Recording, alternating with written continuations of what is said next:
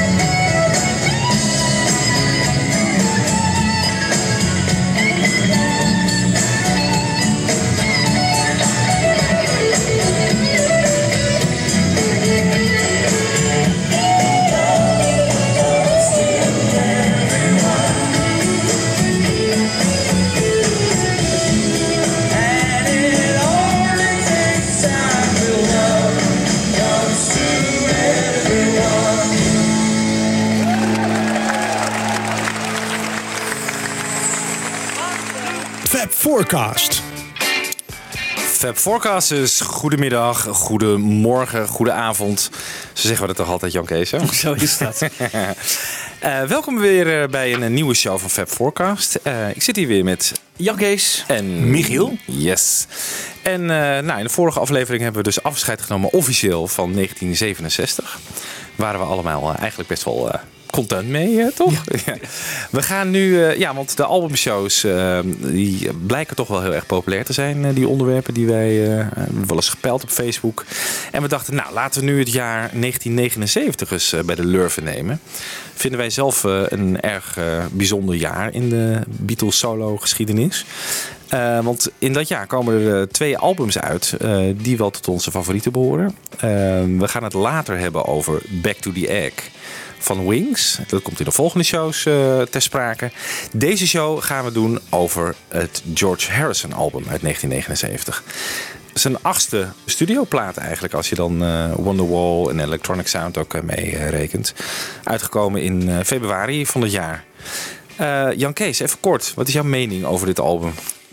Ja, ik, ik vond dat hij wel weer redelijk sterk hiermee terugkwam. Eh, na een periode van mindere nummers vond ik dit toch echt wel weer een, eh, een cd die plezierig is om naar te luisteren. Die eh, interessant is en...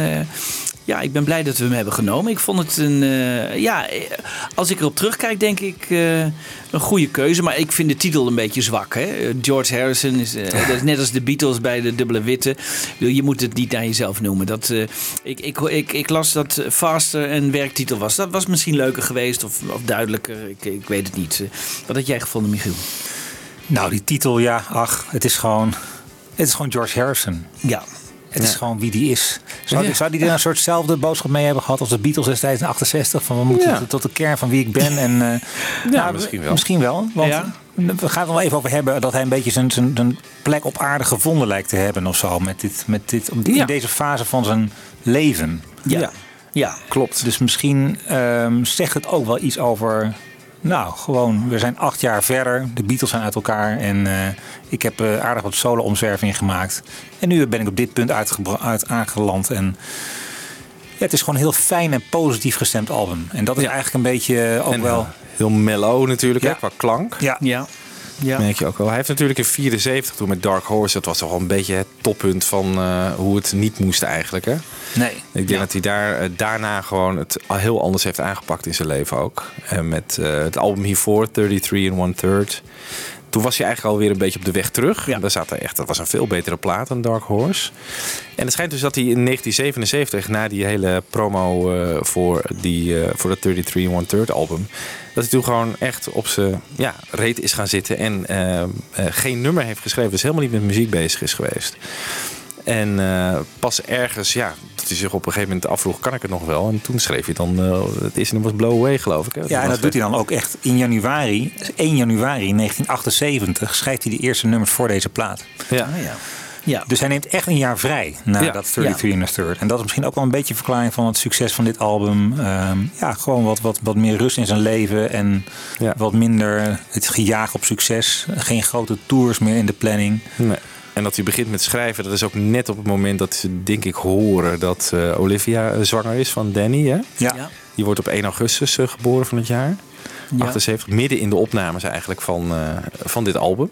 En ze trouwen op 2 september van dat jaar. Een maand na de geboorte van Dani. Ja.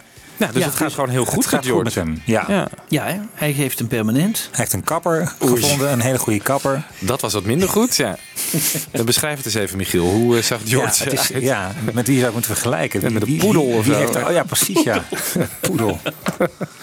Ja, ik denk dat het gewoon wel erg in was in die tijd. Dat je er eh, gewoon eh, je zo'n zo'n soort koep kon laten aanmeten. Verantwoordelijk daarvoor, want dat kunnen we in de liner notes zien Ja. van dit album, is ja ja, Hair by Peter Lawson. Mm. Dat ga ik even opzoeken wie Peter Lawson is. En dat is inderdaad gewoon een bekende, ja, eh, bekende kapper. Bekende Ja, kapper. eh, Is hij nog werkzaam? Want anders moeten we hem eens even gaan bellen. Want wat bezielde die man? Ja. ja. ja. Wat bezielde die man. Ja, Ja, je ziet op de koffer van 33 and a third ook al een beetje het krullende hoor. Dus op zich misschien is Ja, het wel Ja, ja, al ja, eerder. toen al aanzet. Hè? Dat Ja. klopt. Ja. Ja. En, en, en daarna, in 1980 is het ook wel vrij snel weer voorbij. Gelukkig. Want op Somewhere in England dan... eh, Nee, in 79 is het al weg. Want Ja. ter promotie van deze plaat dan eh, heeft hij gewoon Oh ja, weer stijl haar. Dat is Ja. waar. Ja. Ja. Hebben we het nou over het haar van George Harrison, jongens? Ja, ja, kijk, hij begint er zelf over in de liner notes. Dan vind ik dat mogen wij daar ook gewoon... eh, Ja, zo is het. ja. En het was ook een lekkere opener dit, eh Wieland. Ja. Ja. Love Comes to Everyone. Ja, je hoorde het tweede gedeelte was een live versie hè, uit ehm, de Yokohama Arena in, eh, in Japan. 1 december 91. Dat is de enige keer dat hij het nummer heeft gespeeld. Dat was het allereerste concert van, eh, van die Japan tour van hem. Oh ja. En daarna is het meteen gedropt. Ja. Ja. Dus het beviel blijkbaar dus toch niet. Nee. Nou ja, goed. We hebben er een, eh, eh, ja, een beetje een krakkemikkige opname van. Maar toch, Ja. we konden even horen hoe dat geklonken En heeft. hij is als single uitgebracht. Ja. Zeker. Heeft hij Ja. wat gedaan? Mm, niet heel niet- erg veel. niet heel nee. erg veel, hè? nee. Nee, Blow Away heeft wel redelijk gescoord. En ik denk dat Faster ook nog wel eh, aardig was. Er zat ook nog een clipje bij, net als Blow Away. Ja. Maar ja, goed, daar ging het George ook niet echt om. Hè. Hij hoopte natuurlijk wel dat het goed zou doen.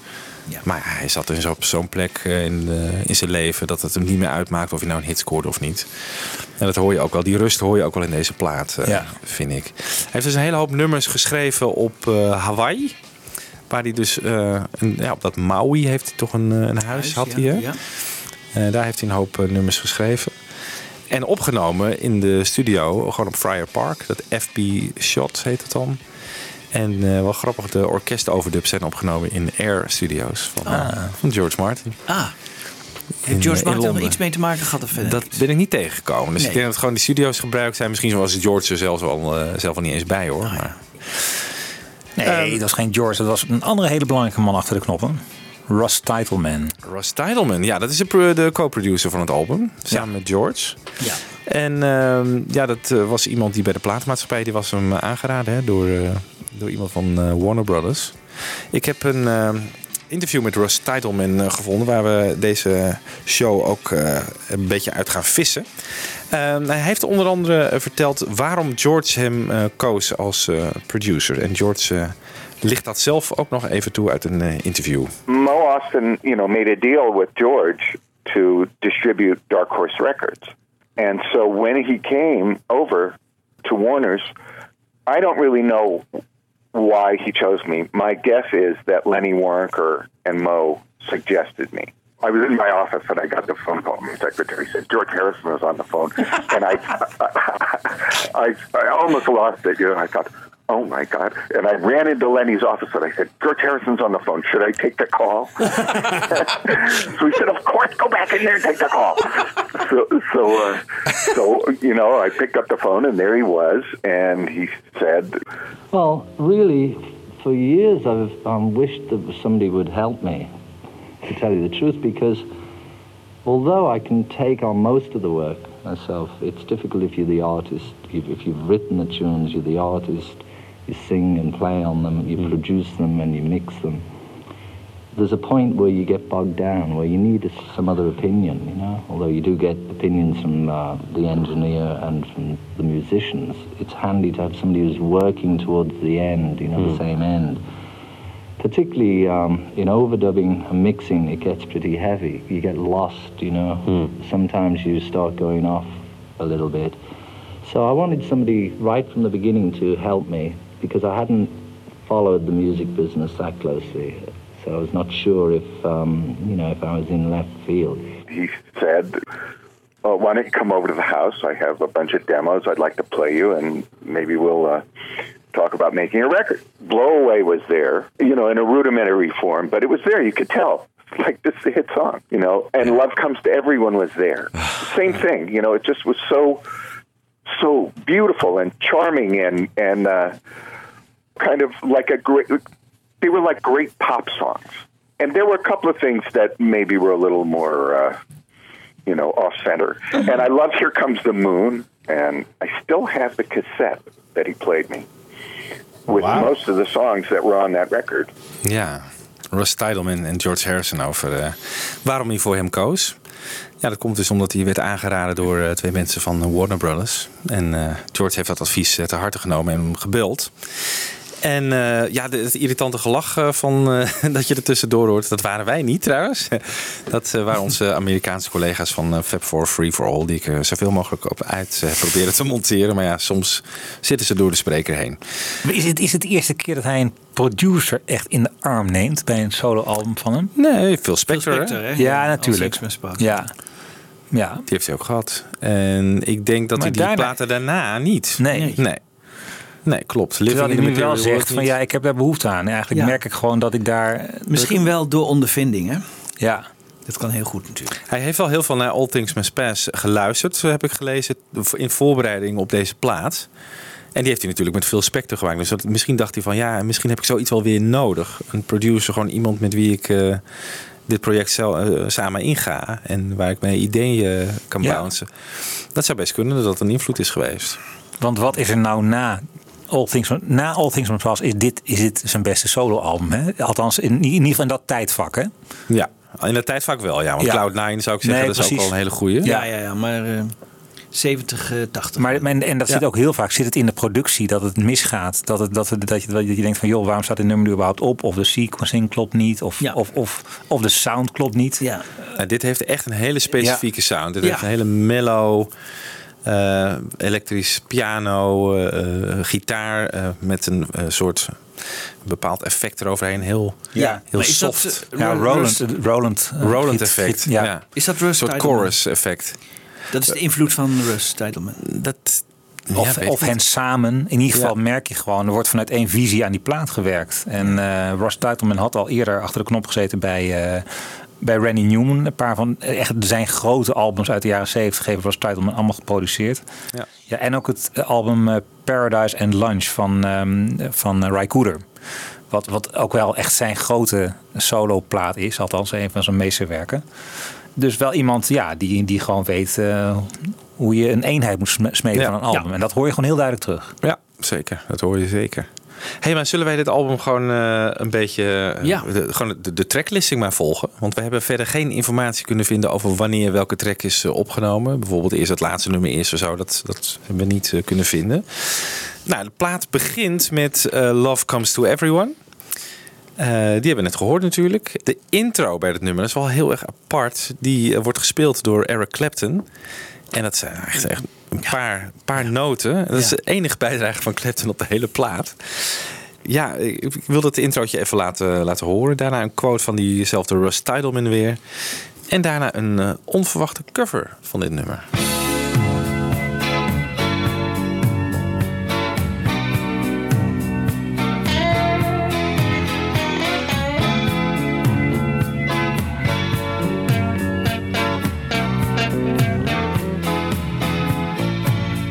He came to play on Love Comes to Everyone. He only really wound up playing in the intro.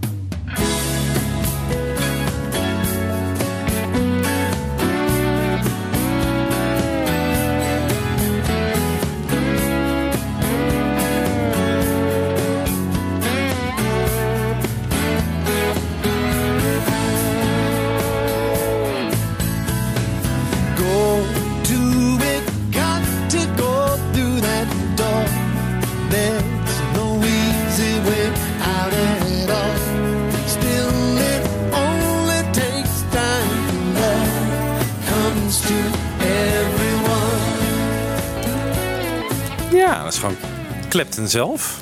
Die het nummer dus heeft eh, gecoverd. Veel later?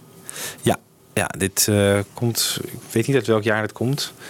Maar het is ergens jaren 90 of in de jaren 2000 of zo. Echt veel later. Ja. En eh, blijkbaar toch een, een favoriet nummer van hem. Hoewel die dus, eh, ja, die, die intro... eh, Ik hoorde ook steeds een beetje een soort valse noot in of zo. Dat het niet helemaal lekker gespeeld Ah, is. ja. Ik hoor wel meteen dat het Clapton is, een bepaalde stijl. Maar eh, nou, een andere um, gastmuzikant op dit album en ook op dit nummer is Steve Winwood. Die op zijn toetsen meespeelt en de backing vocals ook verzorgt op dit album. George vertelt even wat over Steve. Steve, you know, although I met him in the 60s a couple of times, I never really knew the fella. But um, I was just thinking, I really wanted to, on this album, I don't want to have to do all the backing voices, all the parts myself. Because that, you know, that's a strain. And also, it's interesting to hear different voices in there. So I was trying to think of who I could use, and somebody suggested Steve. I actually it was Andy, the drummer, had just played on the last Steve Winwood album. So um, I called him up and he came over and sure, and he was wonderful. I mean, he, everything he played with a great taste, great style. He did the backing voices with me. It gave that extra, you know, sort of tone to the record.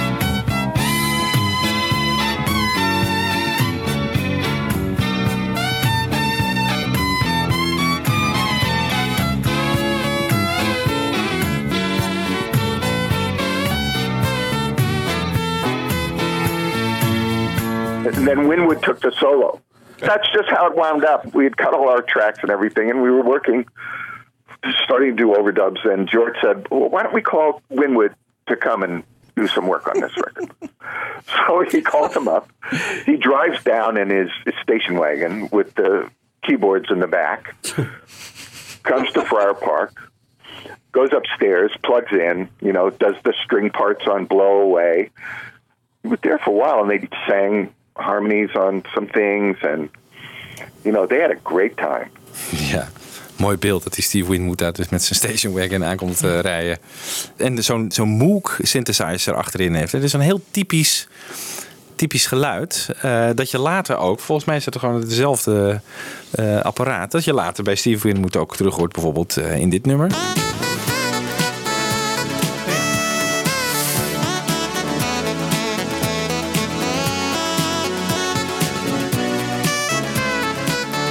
Valerie. En ook in deze.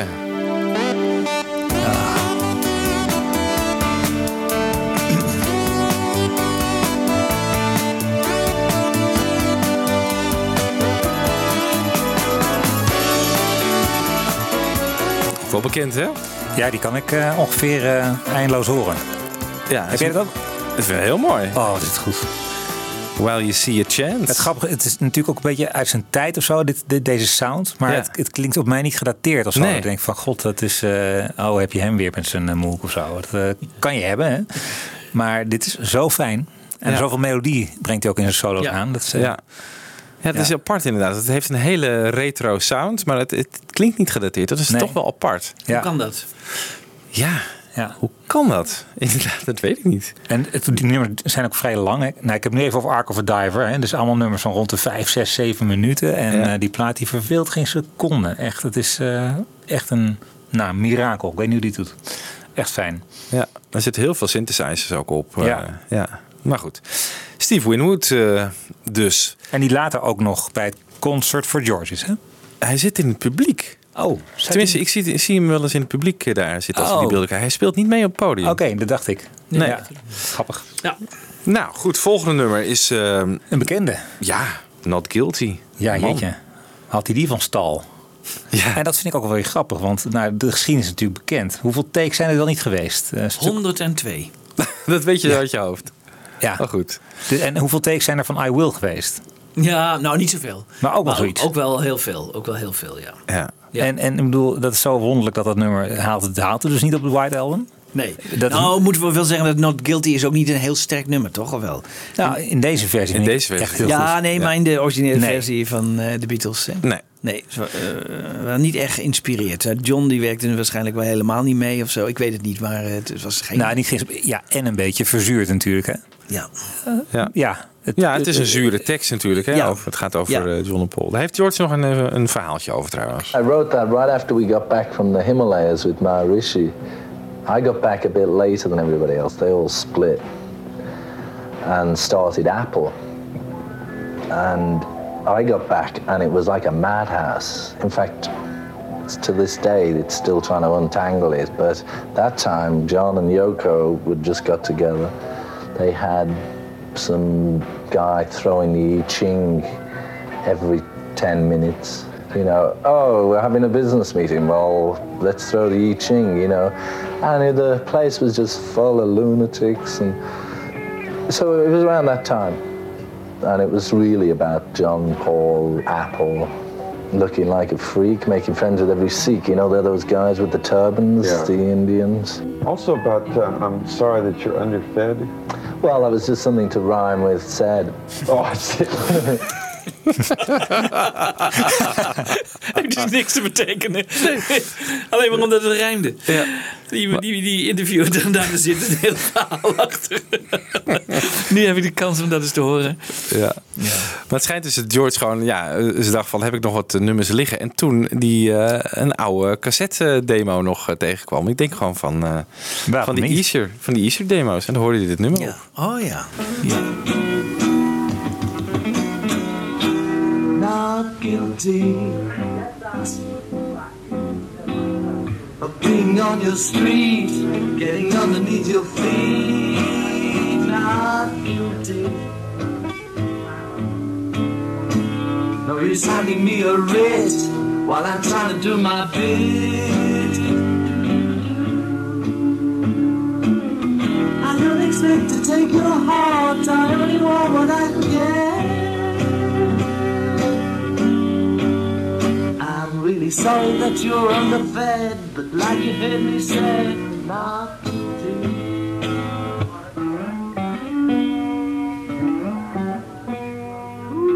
Wie horen we daar op de achtergrond door een George nummer heen eh, praten?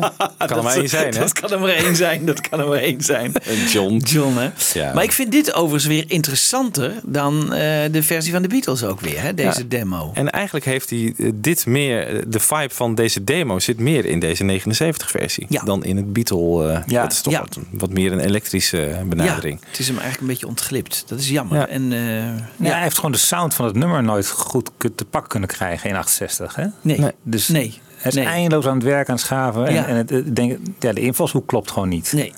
En dan hier dus eh, schijnbaar wel, Ja. hè? want eh, dat heeft hij dan toch weer opnieuw gedaan. En, maar ik vond die, zelfs die, de- deze, deze demo vond ik beter dan, eh, Dan de Beatles versie. Ja.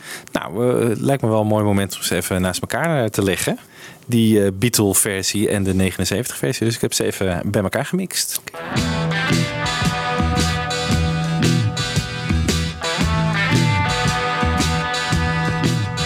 Not guilty of getting in your way while you're trying to steal the day. Not guilty. And I'm not before the rest. I'm not trying to steal your vest. I'm not trying to be smart. I only want what I can really sorry for your aging head, but like you heard me said, I'm not guilty.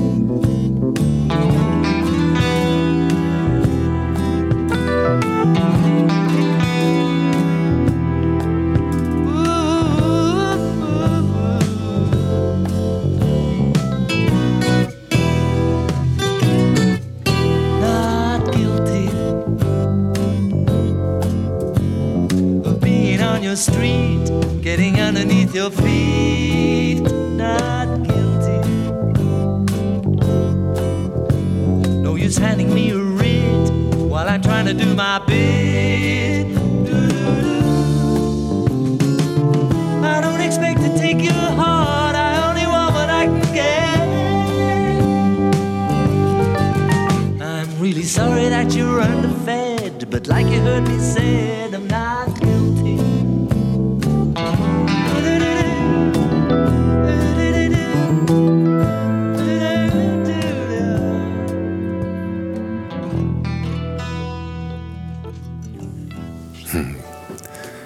Maar dit is een echte 79 sound. Hè? Ik bedoel, zo hadden ze het in 68 niet op kunnen Nee, absoluut niet. Nee. Nee. Nee. Nee, maar je ziet dus ook wel, want wie spelen hier nou op? Eh, nou, weer Steve Winwood, een Neil Larson op elektrische piano, Willie Weeks op bas, Annie Newmark op drums en Ray Cooper, die vanaf dat moment volgens mij op elk album van George Harrison speelt. Ja. Ray Cooper. Ja. Maar het, het is inderdaad een beetje de, de Paul Simon sound. Ja, ja. doet Ja, een het is beetje aan, inderdaad. eh, Het is de Paul ja, Simon sound. Still Ja, Crazy klopt. Ja. en eh, One Trick Ja. Pony. Ja. Ja. een beetje pop, jazz, eh, Ja. crossover.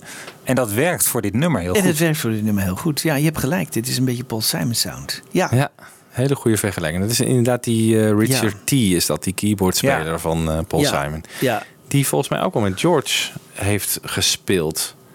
Die sound eh, heeft hij wel te pakken. inderdaad, Oh, ja. elektrische eh, Ja. piano. Terwijl bij die Beatle-versie hoorde ik alleen McCartney op toetsen en eh, Ringo op drums. Hè? En dan George op gitaar. Maar, Paul ik, Bas, ja.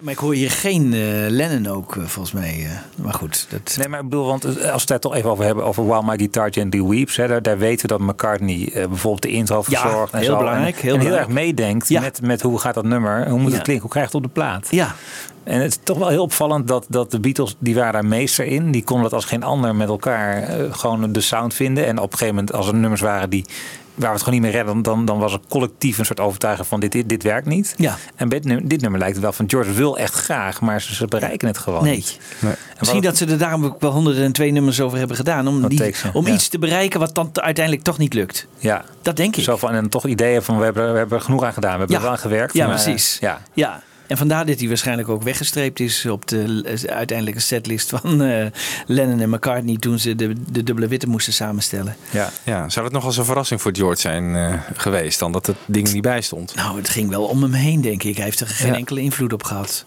Maar goed, hij was wel redelijk. hè, hij had wel een redelijk aantal nummers op de dubbele witte, dus dat heeft hij wel. Ja, maar toch ook niet echt superveel. Ja, dat is een dubbelplaat natuurlijk, maar... Ja. Ja. Ik vind het ook wel een klein beetje apart om hem in 1979 dan te horen zingen over uh, Upset die Apple Cart en zo. Ik denk van ja jongens, dat, dat, Ja. Ik, hoe, zou dat bij de luisteraar van die, in die Ja. tijd geland zijn? eh, Ja. als we nog niet zo heel veel weten over fricties binnen de Beatles eh, in die Apple tijd. Of, of wisten we dat toen wel eigenlijk? Maar niet zo specifiek Nee, toch? Niet zo specifiek nog Nee. hoor. Nee, nee, nee. Zeker niet. Ik nee. vraag me dan nog af, was deze versie van de Beatles al wel bekend eh, in 79? Nee, nee. Maar de titel Nee. waarschijnlijk misschien wel. Ook zelfs nog niet, want die is volgens mij pas bekend geworden. Ik dacht in 84 of zo. Toen Sessions naar buiten kwam. Dat toen pas echt. eh, ja, en want het boek van, van Lewison komt dan pas eh, in 89 uit. Nee, dus nee, ik Ja. denk nog niet. Nee, was Nee. nog niet. nee, hiermee moesten we doen. Dus.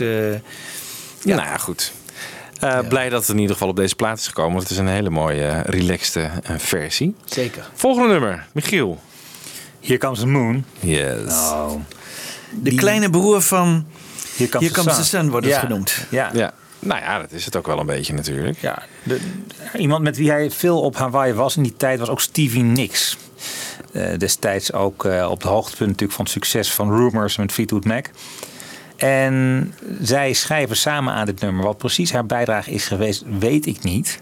Maar ze schijnen naar een soort eh, zonsondergang te hebben gekeken. En eh, nou ja, de maan was ook in de buurt, weet ik veel. In ieder geval, het was een heel mooi plaatje. En zo kwamen we Romantisch. dus bij die tekst. Ja. Zullen we George even over eh, dit nummer aan het woord laten? Ja. That was in a particularly great place when I saw the moon coming up. And I thought, wow, you know, all this and here comes the moon. And then I thought, no, I couldn't write a song called that. They would kill me. But as it happened, I wrote the song and um, it turned out really nice. So it stands up in its own right. And any other songwriters around, they have had 10 years to write Here Comes the Moon after Here Comes the Sun. If nobody else wrote it, I might as well do it myself. is it a pretty song like it? Yeah, it, it is. It, in fact, it, it, it's a very sort of peaceful song. And the problem with uh, mixing it was I kept falling asleep. By the time it gets to the end, it's put me into dream world. Is it true that your lawyer called you up and advised you to sue yourself for Here Comes the Moon? I mean, is that true, No, George? no, no. No, no? Didn't say that you ought to sue yourself? Because those two two tunes aren't anything alike anyway. it was a joke, George. Yeah, Jesus yeah. Christ. Oh well, but I mean, things like that can happen. No, that's like the Ruttles. You know, he sued himself by mistake. Well, it's obviously a track that we look forward to hearing from this new album, which should be out uh, soon. Soon, I, don't re- recall which day. 23rd, I think, for my birthday. Ja. Het is het kleine broertje van eh, Here Comes the Sun. En waar ik het aan herken, eh, is die gitaarlik. Let maar eens op.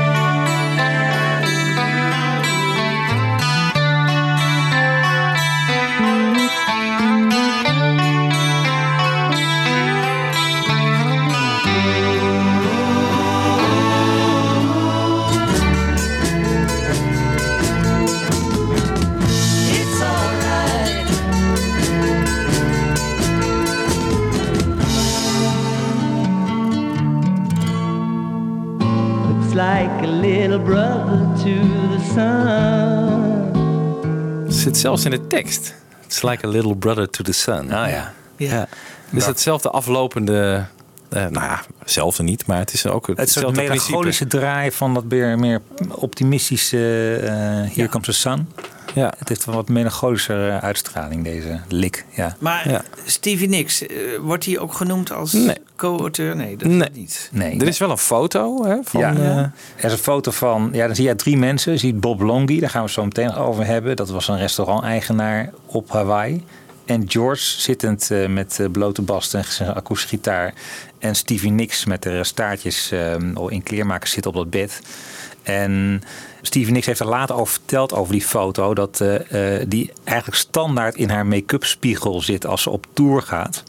of nou met Fleetwood, Mac is of eh, in haar solo carrière, dan zegt ze altijd van de drie, ja, the three of us are looking back at me. Dus zeg maar zij, George en Bob.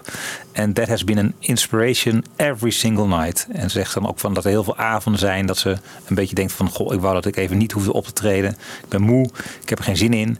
Maar dan kijk ik naar George Harrison en naar Bob Longy en zij kijken mij aan en, ze, en dan zeg ik tegen mezelf, kom op, je moet gewoon gaan. Het is belangrijk. Je moet weer mensen blij gaan maken. Dus huppakee, uit je stoel opstaan. Trek je schoenen aan en eh, do your thing. Dus dat is, al die jaren is die foto die verder niet, niet heel opvallend is of zo, als je ernaar kijkt, maar gewoon iets van heel veel betekenis voor haar geweest eh, in, haar, eh, in haar carrière. Nou, bijzonder. Terwijl ze dus geen credit heeft gekregen op de plaat Nee, van, die heeft meegeschreven aan Nee. het nummer. Ja, we horen verder niet, maar het is, eh, de productie is gewoon schitterend ook bij dit nummer. Ja. Ja, zeker. En dit is een van de weinige eh, nummers waar de demo ook eh, van beschikbaar is. Eh, die van Blow Away is ook beschikbaar. Maar het zijn eigenlijk de enige twee eh, nummers op eh, deze plaat waar we wat alternatief materiaal van hebben. Ehm, dus die demo gaan we even draaien en die gaat over in de studioversie. Everybody's talking up a storm. Act like they don't notice it, but here it is, and here it comes. Here come the moon,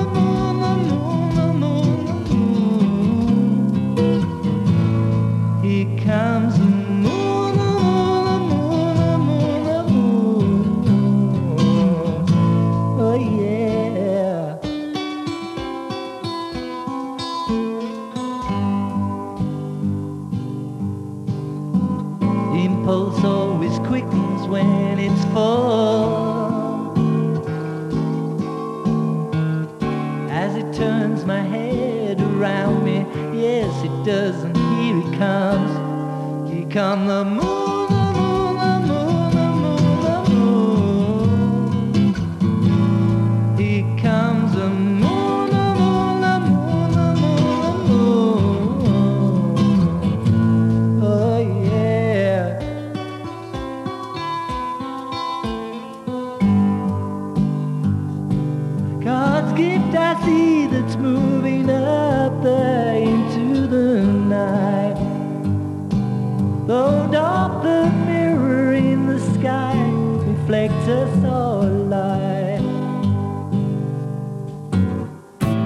like a little brother to the sun. Oh, mother to the stars at night. And it is, and here it comes. Here comes the moon,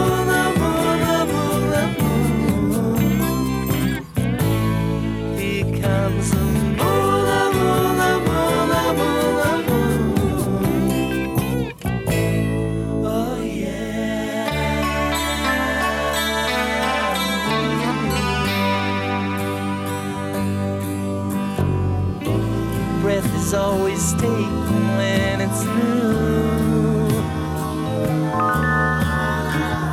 Enhance upon the clouds around it. Yes, it is, and here it comes. Here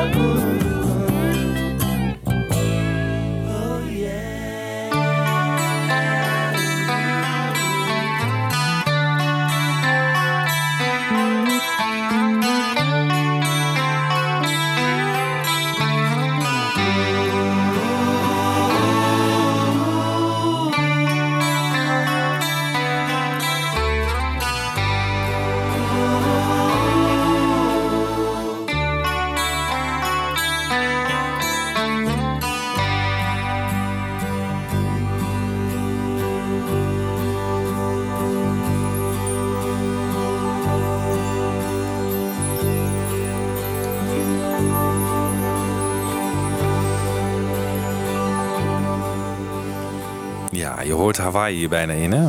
Ja. Kabbelend zeetje. Lekker rustig. Here Comes the Moon is de demo en daarna de studioversie.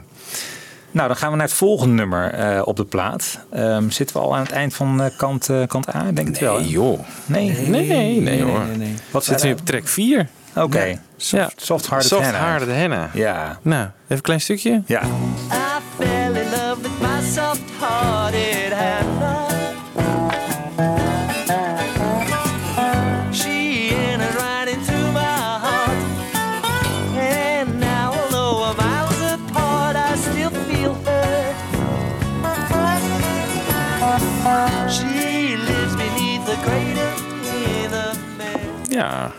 Echt een beetje. eh, ik las een eh, recensie ergens over dit album. En eh, iemand die zei van. dit is eigenlijk het begin van de Pythonization van George's solowerk. ja. Een beetje dat comedy-element erin. En het schijnt ook dat Eric Idle ook een hand heeft gehad hierin. In een soort. in deze stijl waarin het nummer is gekomen. Ja. En het is afgeleid dus van Hard Hearted Hannah. Ja, daar is een soort parodie op, zou je kunnen Ja. zeggen. Zullen we daar een stukje van draaien? They call her hard-hearted Hannah, the vamp from Savannah, the meanest in town. Leather's tough, but Hannah's heart is tougher. She's the gal who likes to see men suffer, to tease 'em and thrill 'em, to torture and kill 'em. Is her delight. De versie van de Temperance 7. Nog geproduceerd door George Martin. Echt waar? Want het klinkt wel voor de oorlog. eh, dit eh, materiaal. Nou, het nummer komt uit 1924, dus het is Oh, echt ja. antiek inderdaad. Ja. Maar daar is het een soort, eh, ja, hij geeft een draai aan aan dat nummer. Ja. en de tekst, het gaat echt over van alles en niks. eh, maar inderdaad, de Pythonization, het moet vooral een beetje absurd zijn. En het is eigenlijk gewoon vooral een beetje de, de inval die hij heeft gekregen... doordat hij aan het trippen was op eh, mushrooms eigenlijk. Hè? Dus, Ja.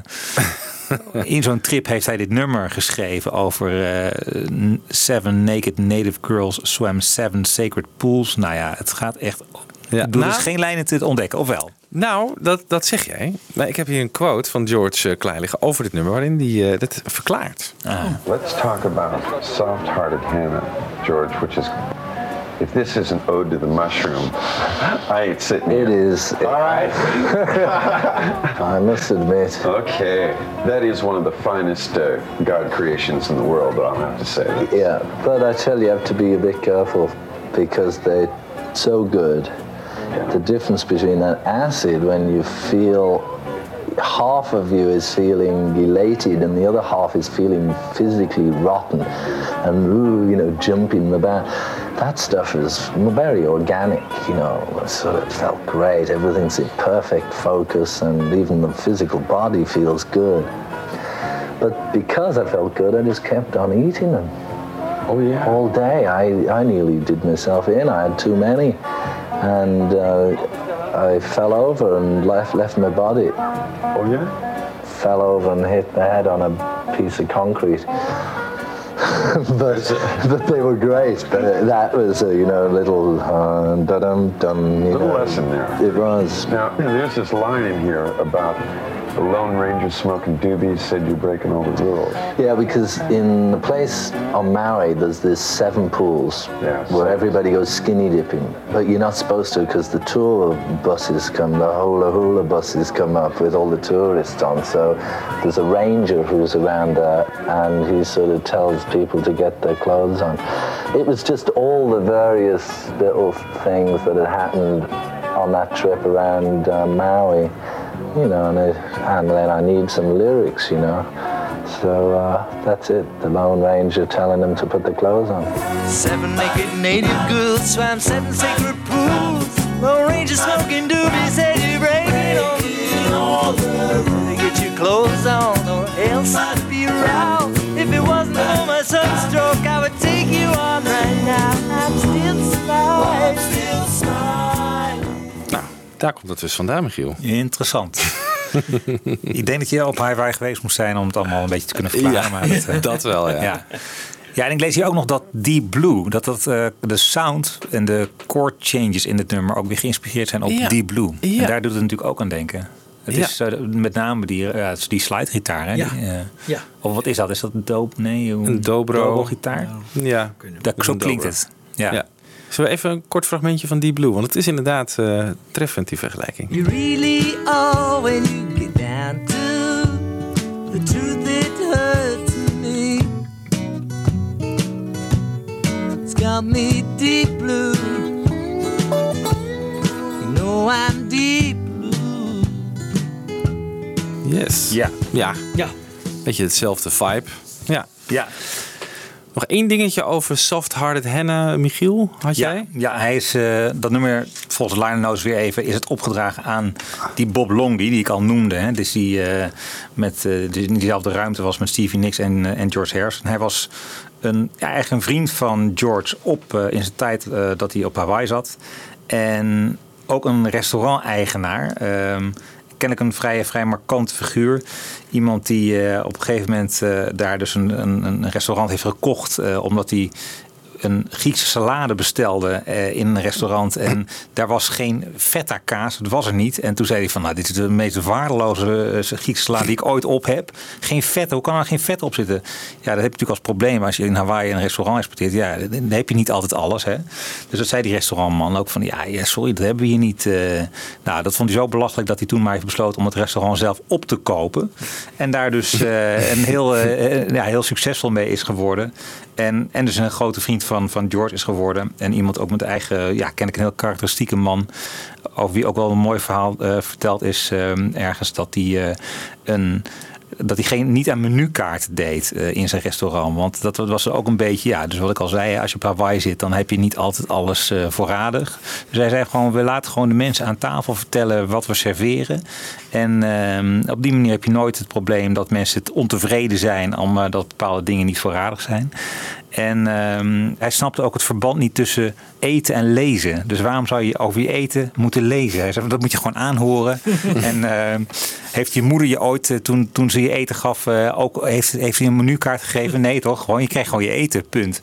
dus dat was gewoon zijn filosofie. Nou, in ieder geval ehm, iemand ook met, eh, ja, met wie George dus eh, veel is opgetrokken op, eh, op Hawaii. En aan wie hij dus dit nummer, Soft Hearted Hannah, dus heeft, eh, heeft opgedragen. Ja. En vast samen met, eh, met Bob eh, die mushrooms eh, Ja, opgegeten. Ja. Die eigenlijk voor het menu waren bedoeld. eh. Ik eh, zou zeggen, het laatste nummer van kant A, als we de vinylplaat erbij pakken, is eh, meteen de grootste hit, Blow Away. Eh, George, even kort over het nummer. I was just really getting a bit fed up with uh, the music business, to tell you the truth. I mean, it's been a long time being in it, and uh, you know, I just felt like a break. So I took 1977 away from music, and I didn't actually write a tune during that year. I just sort of forgot all about music, and then at the end of '77, I thought, God, I better start doing something. You know, I heard, all these stories about. Um, people drying up, you know. So I thought, well, maybe I'll write a tune, see if I can just write a tune. And I wrote Blow Away. It was a miserable day, pouring with rain, and um, we were having a few leaks in the roof of the house and all that sort of stuff. Whereabouts was this? At home here in England. Oh, England, yeah. I live here, yeah. I live here all the time. People seem to think I live in America, but I, I live here. and so I, I wrote that song, and I, to tell you the truth, I was a bit embarrassed by it. It was so, it seemed like it was so catchy, and it, it seemed like uh, I was a bit embarrassed to play to anybody. You know, I thought, God, it's, it's a bit too obvious. Ja, grappig hè? Schrijft hij zo'n pakkend nummer, à la McCartney eigenlijk. En dan schaamt hij zich er eigenlijk Ja. voor. Ja. Te catchy. Te, Te catchy. Ja. Ja. Ja, zo krijg je geen hits als je zo als dat je mentaliteit is. Hè? Dus eh, ik bedoel, eh Nee. daar heeft McCartney nog nooit een enige rem in gevoeld om iets uit te brengen als het. Nee. eh, Nee. Jij had nog een grappig eh, eh, twee woorden in het nummer die, eh, waar je iets over hebt.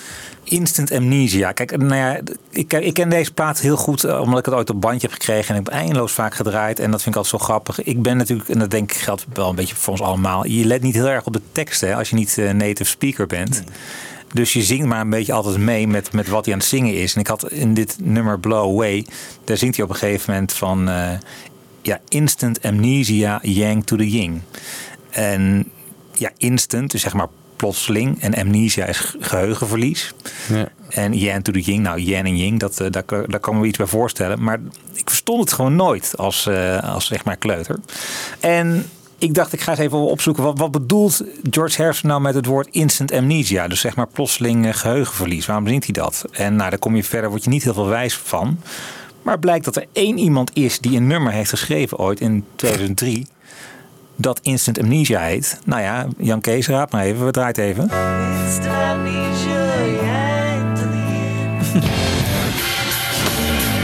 Instant amnesia, it's just like a kiss. Can't close your eyes, it's too easy to miss. Instant amnesia, Ja. Ja. Ja. Heeft het iets met elkaar te maken? Wilde dat George zo Nou, en ik, Ringo... ik, ik, ik het lijkt mij. ehm, ik weet het niet. Nee. Het was in een tijd dat hij wel. Hij heeft natuurlijk ooit een keer dat nummer opgenomen. waarin hij een soort tribute aan George schrijft. Ik weet niet uit, uit welk jaar dat is. Never Without You. of Ja. zo? ja. Dit nummer is uit 2003. Dus ik kan me voorstellen, misschien zit hij wel in die tijd een beetje in, in George. eh, en hij was naar nog niet zo lang dood natuurlijk. Nee, Ja. precies. Ja. Dus, nou, Ringo, heel leuk dat hij dit oppikt. Ehm, en we moeten ook even over. Ja, Hij heeft zelf ook een beetje geheugenverlies natuurlijk. Ja. Ringo. Nou, een is beetje- gewoon een autobiografisch nummer voor Ja, Ringo. ja, precies, ja. Soort hij verwerkt zijn, eh, zijn geheugenverlies op deze manier. Ja. Ehm, als even, nog even over de video van Blow Away moeten we het ook over hebben. En die is geregisseerd door Neil Innes. Dus als we het toch hebben over de Pythonization van George, dan, is het, dan, Ja. dan begint dat inderdaad echt hier op deze plaat. Nou, George is daar zijn permanentjes hier wel kwijt. Maar daar zie je in die clip dus achtereenvolgens een enorm groot speelgoed kuiken. Daarna een enorm grote speelgoed eend. En daarna een enorm grote speelgoed hond. Waar hij notabene op zit en gitaar op speelt. En het grappige is, die clip die begint eh, met van die vrij serieus, hè, de eerste tonen van het nummer. En dan zie je een beetje wolken over een eh, berg wegwaaien. Dus dan denk je, oh, het zit helemaal in, in het stijl van het nummer. En daarna zie je hem zo lachend in zijn eh, mooie mm, witte pak met gitaar. En dan zie je dat catchy liedje aan het zingen. Maar dan op een gegeven moment verschijnen dus die enorme grote speelgoed eentjes en zo in beeld. En ik van, wat, wat, wat, what's your point? Wat, wat probeer je Ja. nou te doen? Stel maar de- eens voor dat ze met z'n allen eh, zo aan een grote tafel zitten van nu moeten we even over het idee hebben van hoe we deze clip gaan aanpakken mensen. Gaan we, gaan we iets met, met, met wind en bergen doen? Of zullen we iets doen met, met Olivia en George? Of zullen we terug, toch terugvallen op die, die speelgoed eh, bad eend? eh, en dat, ja, dat- doe toch maar die bad eend. En dat iemand dan zegt van ja, maar dat, dat is zo klein. Maar, maar dan, dan blazen we dat toch gewoon gigantisch op. Ja. En dan hebben we een clip. Nou ja, zo, zo is het ongetwijfeld gegaan. Met wat mushrooms erbij misschien. Ja. ja dan kom je toch snel tot dat soort eh, ideeën. Ja. Hoe gaat het dan Vroeg me af. Dat, je bent dus dan de hele dag marsoes aan het eten. Is dat eh, hoe je dat doet? Of moet je dat nog verwerken? Waarom kijk je mij aan? eh? Ja, ik weet het echt niet. eh. Ja, jij wordt hier als expert gezien, wie wel. weet jij het, Jan Kees? eh? Ik heb nooit Nee, mushrooms nee. gehad hoor. Nee, je moet het gewoon eten. niet, moet je dat niet Ja, roken? dan Of, eh, of, of, Nee, Nee, nee, Maar hoe lang blijven die dan eh Oh, dat weet ik niet. Oh. dat weet ik niet. Maar het is gewoon een hallucinerende druk. Ja. Nou, hij was niet veel fan van. eh, dat duidelijk. Nou, hij was zeker fan van, ja. Ja. Het is hem goed bevallen. Ja. Hey, eh, dus zoals ik net al zei, die eh, van Blow Away is ook een demo eh, uitgebracht. bij de heruitgave van dit album in, nou wanneer was dat? Na George's dood. En daar wil ik even een stukje van draaien. Opvallend is dat hij al wel redelijk uitgewerkt is ook. George speelt er meerdere instrumenten op. En ik heb hem weer even gemixt met de studioversie.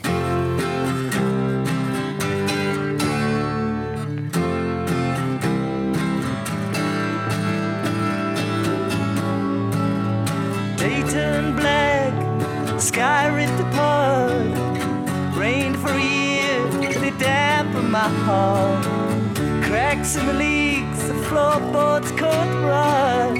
About to go down, I'd almost forgot that all I got to do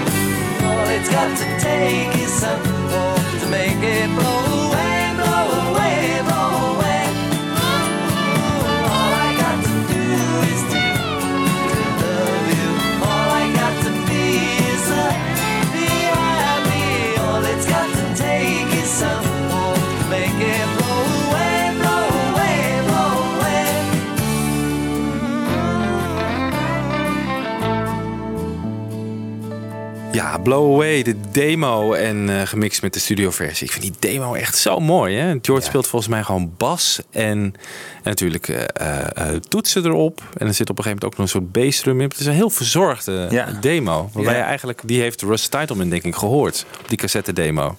Dan hoor je inderdaad al meteen van wauw, ja, dit is gewoon de, de hit van de plaat. Ja. Goed, de mm, plaat draaien we even om.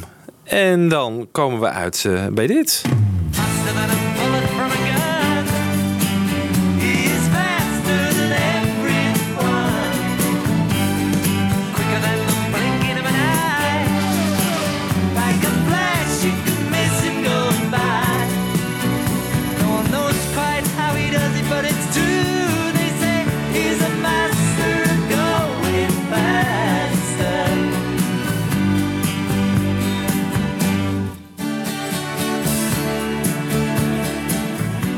Yes, Faster. We hebben hem al een keertje gedraaid. Het is eh, geheel in de, een van de allereerste shows die we hebben gemaakt. Hè, over de krenten in de pap van George Harrison. Ja. Eh, wiens eh, verzoek was dat toen? Van jou? Ik denk van mij, ja. Dat Ja. zou in ieder geval wel een hele grote krent van mij zijn, eh, dit nummer. Ik heb begrepen dat, dat hij zo vaak bij die Formule 1 en dat ze hem zo vaag vroegen van hè, George, wanneer schrijf je een nummer over, eh, over racen? Dat hij toen dacht, nou, nu moet het maar eens gebeuren. Ja, Ja. ja Jackie klopt, ja. Stewart was een, eh, een inspiratie waarschijnlijk. Niki Lauda. Zeker, daar is het voor geschreven hè, en Ja. opgedragen ook aan Ja. die. En aan een overleden coureur, die Ronnie Peterson. Ja, Ronnie Ja. Peterson. Patterson, Ja. Ja. die eh, waarschijnlijk bij een crash om het leven is gekomen. In ieder geval, eh, George heeft ook een hele hoop eh, dingen over Faster eh, eh, gezegd. En ik heb ze allemaal even verzameld in dit korte compilatietje. The song, it says, is inspired by Jackie Stewart and Nicky Lauda. And, um, but I, I was interested as a kid from when I was 12. Uh, I was 12 when I saw the first um, British Grand Prix in Liverpool, Aintree. It's, um, Fangio and Sterling Moss and the Mercedes-Benz. And I followed it up until the time we started being professional musicians. And even then, in the 60s, though we were so busy, I caught a few races. mainly Monte Carlo. And I followed, you know, in the papers and TV what was going on in Formula One. And um, just a few years ago, I met Jackie Stewart, and it was really through him that I got like backstage. And it's much more interesting back there because I never really used to know much about what was happening. It was always interesting to see in other areas in life who was wearing the long. And in motor racing, Jackie Stewart became the world champion in, I think, 1968. And he was the, the first guy with long hair and who had opinions, and he was a big Beatle fan. I had a book that Jackie Stewart had written, which was called Faster. So I thought, good, that's the title. so I lifted, I lifted the title, and once I got the title, I was away. See, because I didn't want to write in a way, you know, first gear, you're all right, second gear. So I tried to write in a way that was like a story, and it would also relate to people who weren't into motor racing. So I mean, it's more like it could be applied to anybody or any type of life or situation where somebody's successful except it's limited then to the racing when you put the sound effects of the cars on it. Those guys, Nicky Lauda and Mario Andretti, and those, I played them the song, and they were amazed. They were saying, you know, I think they were, because they see people come to races and they see some famous people coming, and, you know, but that's it. I think they were amazed how, you know, they were saying, that's it, that's exactly what it's about, what it's like. What about Faster? The number that you wrote about racing? Oh, yeah, well, that was a good tune. I mean, maybe they'll play it sometime. I mean, it was just really a way of, um, you know, expressing my my liking of the sport and also my appreciation for what you did over those years. And uh, also had a great admiration for Nicky, you know, particularly after what he went through in 76. George Harrison with our interviewer Jackie Stewart, who also on that occasion played uh, music director too. Yes, in fact, I did a, a music video with George for that number. I was his chauffeur. He was sitting in the back of a limousine. I was sitting in the front in a full chauffeur's outfit with a chauffeur's cap, but with a tartan band round it, Michael. We didn't let Scotland go. It was a very funny thing. And he uh, wrote that song for you, that well, track well, Faster. He dedicated it to myself and to Nicky Lauda. And George is one of the brightest, most amusing people you could ever hope to meet. Intelligent, really uh, very amusing to be with, and, and far-sighted. Apart from his music, I think I was the biggest Beatle fan. It was great. Ja, grappig hè? Jackie Stewart daar op het eind. Ja. Met zijn Ja. vette accent. Ja, ja prachtig. Hij zit ook in die eh, Living in the Material World. Hè? Dus hij is echt wel tot het eind een vriend van Ja. George eh, gebleven. Ja. Nou, het is gewoon grappig als je ziet, ehm, want we weten natuurlijk allemaal wel dat George Harrison een enorme raceliefhebber is. Maar als je erin gaat verdiepen hoe diep die liefde voor de racerij was, dat is echt niet normaal. Eh, in 1977, want hij doet dus heel weinig, hè. hij neemt eigenlijk een jaar vakantie. Maar wat hij in ieder geval wel steady veel doet, is races bezoeken. Hè. Dus hij gaat gewoon heel vaak naar de circuits. Gewoon met allemaal, eh, al zijn vrienden daar ontmoeten. Een beetje in de, eh, de hoe noem je dat, in de pit eh, rondhangen. Ja. Maar hij is al in, in 22 mei 1966 voor het eerst in Monte Carlo bij races aanwezig. Dus dan is die liefde zit er al. Ja. En hij vertelde, dus vond ik net leuk om te horen. Ja, hij vertelde het. Al in Liverpool, eh, Ja. al in zijn, jonge jeugd, eh, is hij daar al mee bezig. Ja. Dat was vlak bij zijn huis, was dat gewoon in Liverpool. Ja, Eh, ja. echt een Grand Prix. Ja, ongelooflijk hè? Ja. En die, dat, die Maar periode. ik heb nooit foto's van hem gezien uit de Beatle-tijd, hè? Ja, die is er Eh, dus Monte wel. Carlo, Ja, 66? die- Ja, daar zijn foto's van. Oh, wat ja. leuk. Ja, Wat ja. leuk. Ja, ook met, eh, met eh, Patty is hij daar. eh, ja, ja. Leuk. Nou, dus die liefde zit, die zit gewoon heel diep. En het, wat ook wel leuk is, is als je wat interviews terugkijkt. Want eh, hier horen we hem dan praten met Jackie Stewart over dit nummer Faster. Maar er zijn ook interviews van George met mensen die hem in principe komen interviewen voor zijn muziek. Of die hem kennen van zijn muziek. Maar dat zijn bijvoorbeeld ook grote raceliefhebbers. En dan gaan ze gewoon praten. Gewoon als een stel gasten in, een café over racen. Weet je wel? Ja. Over wie de race gaat winnen. En over allerlei nieuwe ontwikkelingen. En ehm, ik ken één serie interviews. Volgens mij is George dan de hele dag heeft hij geboekt om eh, weet ik veel welk album. Ik, volgens mij is het rond de tijd van Traveling Wilburys. Heeft hij gewoon geblokt van ik ga gewoon nu gewoon dat album promoten. En er zit er een van de zweet bij. Want die Gunnar Nielsen was weer een andere zweet die ook, eh, ook veel racete. En dan gaan ze het gewoon over Gunnar Nielsen hebben. En over, eh, nou ja, die, die man die, die gaat gewoon helemaal los. En dat, dit zie je Ja. ook enorme, ja, dan zie je George ook zo geconcentreerd kijken, alsof hij echt gewoon heel geïnteresseerd is. eh, al- niet alsof, maar hij is gewoon heel- eigenlijk meer geïnteresseerd bijna om over race te praten dan over muziek. eh. Ja. Ja, dat geloof Ja. ik ook wel, ja. Ja. Maar die, en die periode, want dat is nog even het laatste wat ik, wat ik moet zeggen. 1978 is ook wel dramatisch. Want Ronnie Peterson is dus een race-legende. en die overlijdt in 1978 op een Grand Prix. En dit nummer wordt aan hem opgedragen in, eh, in de liner notes bij, eh, bij George Harrison album. Het nummer Faster. En eh, die Gunnar Nielsen, die overlijdt ook in datzelfde jaar 1978. En hij was dus die eh, ja, Zweedse eh, autocoureur. Die overlijdt aan kanker. En de, de, ja, hij brengt het als single uit, dat nummer Faster. En uiteindelijk blijken de, de opbrengsten, die heeft hij te goed eh, gebracht aan een, aan een speciaal fonds. Wat was opgericht voor ehm, ja, de bestrijding van, van zaadbalkanker. Waar die Nielsen dus uiteindelijk aan is, is overleden. Oké. Dus ehm, ja, George eh, deed veel voor de sport. Ja. Ja. Ja. Veel in Australië geloof ik ook, hè? Ging eh, Australië, ja, overal. Maar Er zijn vaak echt- ook beelden van. Ja. Er zijn veel Altijd. interviews. Het is echt leuk om even gewoon te googlen op George Harrison en Grand Prix of zoiets dergelijks. En dan krijg je een hele reeks foto's van hem eh, ja, backstage, zo gezegd. Ja, ik geloof ook dat het, kan ik me nog herinneren van toen dat ehm, ten tijde dat Free as a Bird uitkwam. net daarvoor heeft hij dat eh, nummer op gitaar gespeeld voor eh, die Damon Hill heet hij geloof ik. Was dat niet een of andere racekampioen in die Ja, tijd? de, De, ja, de, de zoon van eh, Graham Hill. Ja, ja, kunnen, ja. ja. Dan heeft hij daar gewoon een exclusieve voorpremière van, eh, van Free as a Bird voor hem gespeeld. Dat is toch Ah, wel ja. super gaaf. Ja. Ja. Ja. die Graham Hill, leuk dat je zegt, want daar staat hij ook mee op de foto in 1966 Oh, ja. eh, bij die, die Monte Carlo, rond. die Grand Prix. Ja. En, dus, en de clip moet het er even over hebben. Hè? Ja. ja, want daar zie je dus inderdaad, daar vertelt Jackie Stewart net ook over. Jackie Stewart is dan dus gewoon de show van, van George, die achterin zijn, eh, met zijn gitaartje zit te spelen. Zonder permanent. Ja, zonder permanent. En eh, Jack Stewart helemaal in een mooi chauffeurspak gehezen. Dus dat is eh, grappig. Dat was Faster. Ehm, dan het volgende nummer. Dark Sweet Lady.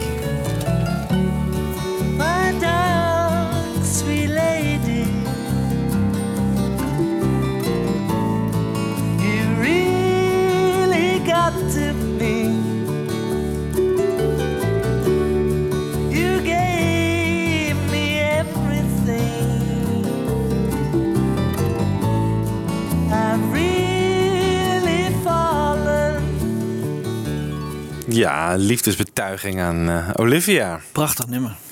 Ja, je hoort hier ook wel een beetje die Hawaïaanse geluidjes, hè? Met, dat, met die harp die Ja, erin zit. maar zij wilde geloof ik een Spaansachtig eh, nummer eh, hebben. En eh, het is Oh, ja? dus een soort mix tussen Spaans en... Want zij is Mexicaans, toch? Ja, Olivia. ja. Maar eh, ze wilde graag iets Spaans.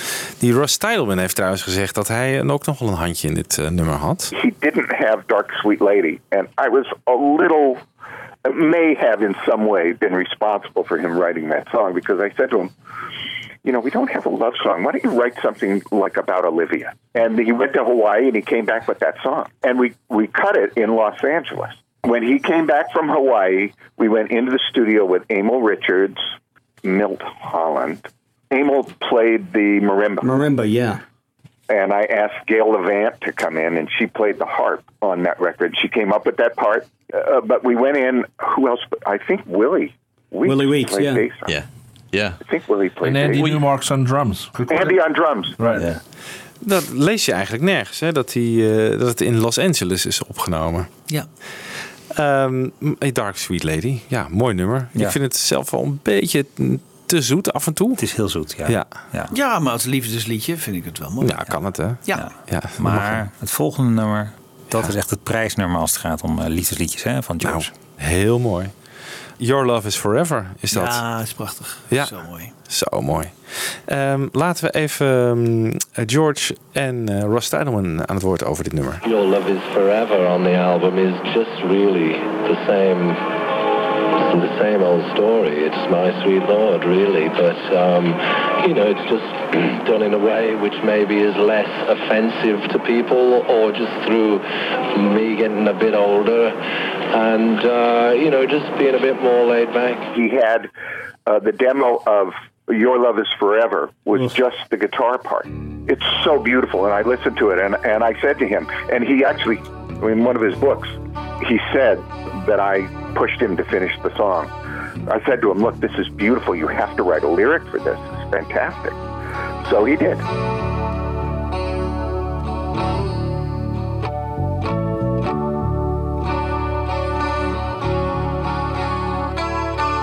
And the guitar parts, you know, they're layered, a lot of layered guitar parts on this record. And he had a chorus that he used that he liked. So that made a lot of the sound of that record. Was pretty consistent all the way through. Not on everything, but most things.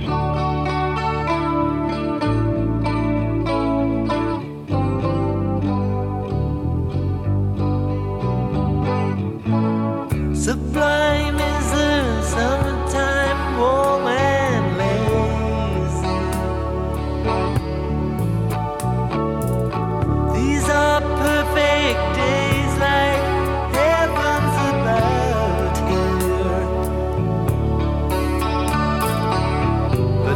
like summer.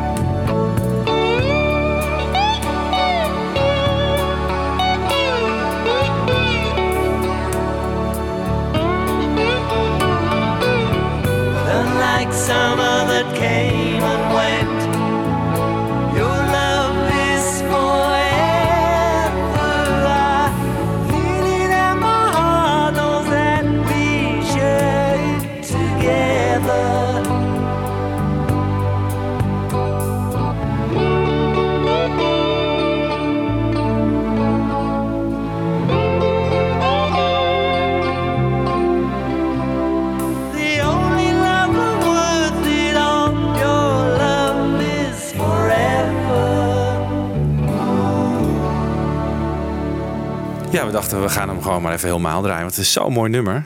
Ook, eh, ja, je kan je goed voorstellen toen eh Russ Tideman dan die... Hè, dat, waar het nummer ook mee begint, die akkoorden. Dat je dat hoort, dat je denkt van fuck, dit is zo Ja. mooi. Ja, maar Hier je moet je echt ook- tekst opschrijven. Ja. En het zit ook in de sound van die gitaar, hè? Ja. die echt heel bijzonder is. Ik weet niet wat er precies met die gitaar gebeurt, maar Ja, ik ken het, een soort, het is een soort chorus effect. Wat je wel meer op dit album eh, hoort. Ja. Dat trekt hij wel redelijk eh, door. Wat, wat ook die sound van het album oplevert. ja. Heel En zou, dat doet dan, het- zou dat die Gizmotron zijn of zo? Of is dat weer iets heel anders? Nee, dat is iets heel anders. Ja, ja. Ja, dat maar je kon in ieder geval het geluid van je snaren veel voller laten klinken. Met, Dit is wel met- een bekend effect hoor. Een, Ja. een chorus effect. Maar hij noemde het zelf Roland geloof ik. Ja. Het is een bekend effect. Zoals je ook gewoon een scheur effect hebt. Of een distortion effect. Ja. Heb je ook een chorus effect. Dus ja, prachtig. Prachtig nummer. Eh, wel een van de prijsnummers van de plaat. eh, Ja. Voor ons allemaal denk ik. Ja. Dan het volgende nummer heet eh, Soft Touch. wel grappig hè. We hebben dat ook wel volgens mij een keertje benoemd. Michiel die eh, kwam er nog eh, mee laatst. Dat het gebaseerd is op een eh, het blazersloopje uit Run of the Mill van eh All Things Must Pass. Waar George dus naar aan het luisteren was eh, in voorbereiding op deze plaat.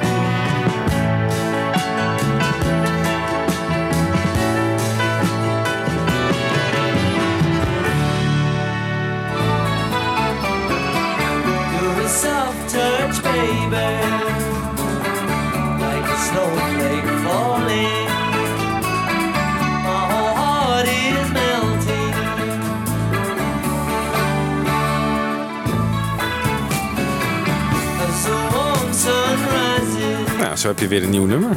Ja. Ja.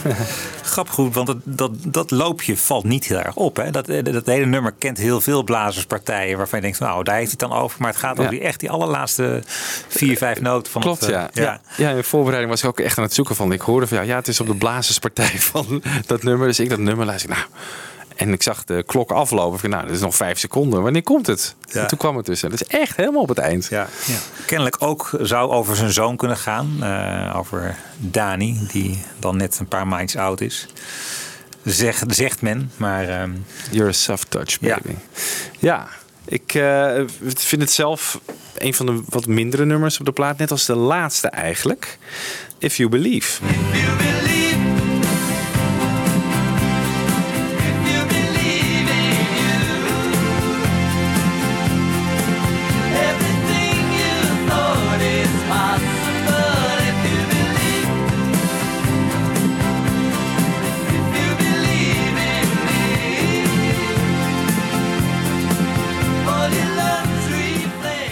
vind hem ook qua sound wat minder passen bij de plaat. Ja.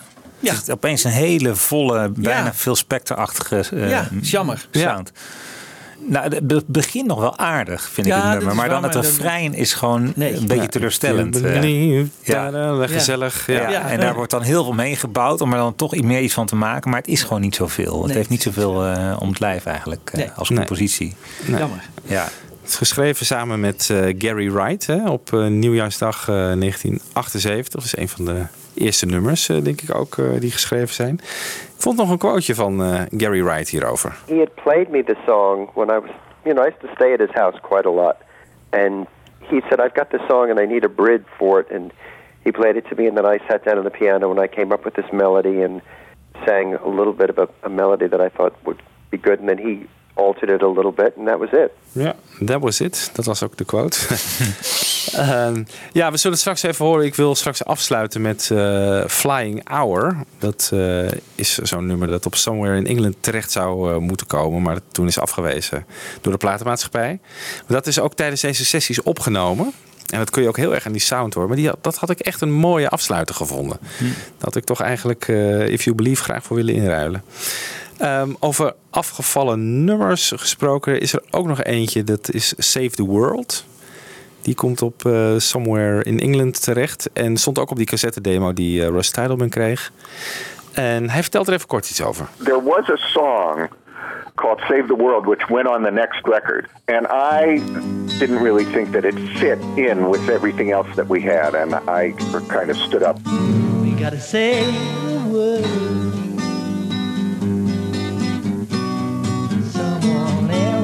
Wanna use it. The powers we've seen still only know how to abuse. We gotta say the word. Ja, een beetje een anoniem nummer vind ik het. Ja. Is niet echt Ja. heel erg catchy of eh, melodieus of zo. Ja, terecht afgevallen denk ik. Nou ja, we, eh, If You Believe was de laatste track van de plaat. En eh, daarmee eh, eh, ook een beetje het einde van deze show over eh, George Harrison eh, 1979. Eh, Eigenlijk, eigenlijk is het een beetje raar dat het zo... Ik bedoel, nu heeft hij de smaak te pakken, zou je denken. Hè? Een goede producer erbij, je hebt met je goede sound, eh, positieve nummers. En dan krijg je dus een paar jaar later toch een beetje dat, dat verzuurde Somewhere in England weer. Dus dat, wat, wat gebeurt er dan met die man? Eh, dat hij dat, hij dat niet vasthoudt. Ja. En daarna Gone Troppo, wat natuurlijk een commerciële enorme flop wordt. En daarna is hij eigenlijk gewoon, eh, ja, moet hij de jaren tachtig een beetje... Van bijkomen. Ja, die, die, dit is natuurlijk geen goed begin van een heel, van een heel decennium eigenlijk. eh. Nee. Misschien de dood van John Lennon, ik weet het niet. Wat, Nou, het is daarvoor al opgenomen. Oh. Volgens mij is de, mm, die plaat al aangeboden aan de platenmaatschappij voordat John, eh, John doodgaat. Ja. En dan moet hij terug, want ze zeggen van ja, het is niet commercieel genoeg. Dat is Warner Brothers, hè? Dus Ja. eh, Ja. ja. die hem enorm steunen, altijd en alles. En, eh, maar nu even niet. Ja. Althans niet, eh, niet Nou ja, met- misschien wel terecht. Ja, zou kunnen. Ja. Ik vind Somewhere in England niet zo'n hele fijne plaat, moet ik zeggen. nee. Nee. dan is deze wel echt eh, stukken beter. Ja. Ik vind het wel een van, eh, nou, samen met Cloud9 en All Things Must Pass, Ja. is dit, dit toch wel echt de, de, de fijnste. Ja. Brainwash is trouwens ook mooi, maar ja, dat is dan postuum uitgebracht. Ja. ja. En dan 33 and a third wat mij betreft. En daarna een hele tijd niks, eh, zou ik denken. Ja, ja. Nou, volgens eh, eh, liefhebbers is eh, Living in the Material World ook nog wel een, eh, Mm. een favorietje. Maar goed, die vind ik wat te veel preachy. eh, dat, ja, wat... Daarna zou ik, zou ik inderdaad mijn zoon laten aanraden van ga daarna maar lekker verzamelaars eh, van George Harrison scoren. En dan heb je alle singles mooi bij elkaar, toch? Ja. En die vier, vier, al, vier vijf studioalbums. eh, Ja. Ja. Dat is het wel. Jongens, eh, laten wij eh, zoals beloofd eh, afsluiten met Flying Hour. En denk je dan even in, als dit de afsluiter van George Harrison was geweest, dan Hoe mooi. hoe mooi dat was geweest. Tot de volgende keer. Tot de volgende keer.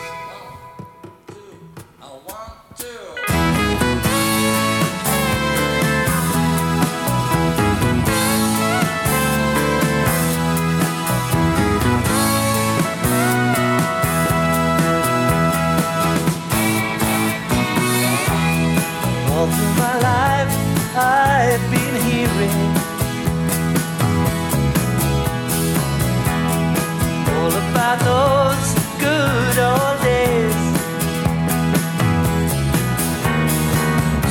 It makes no difference what was or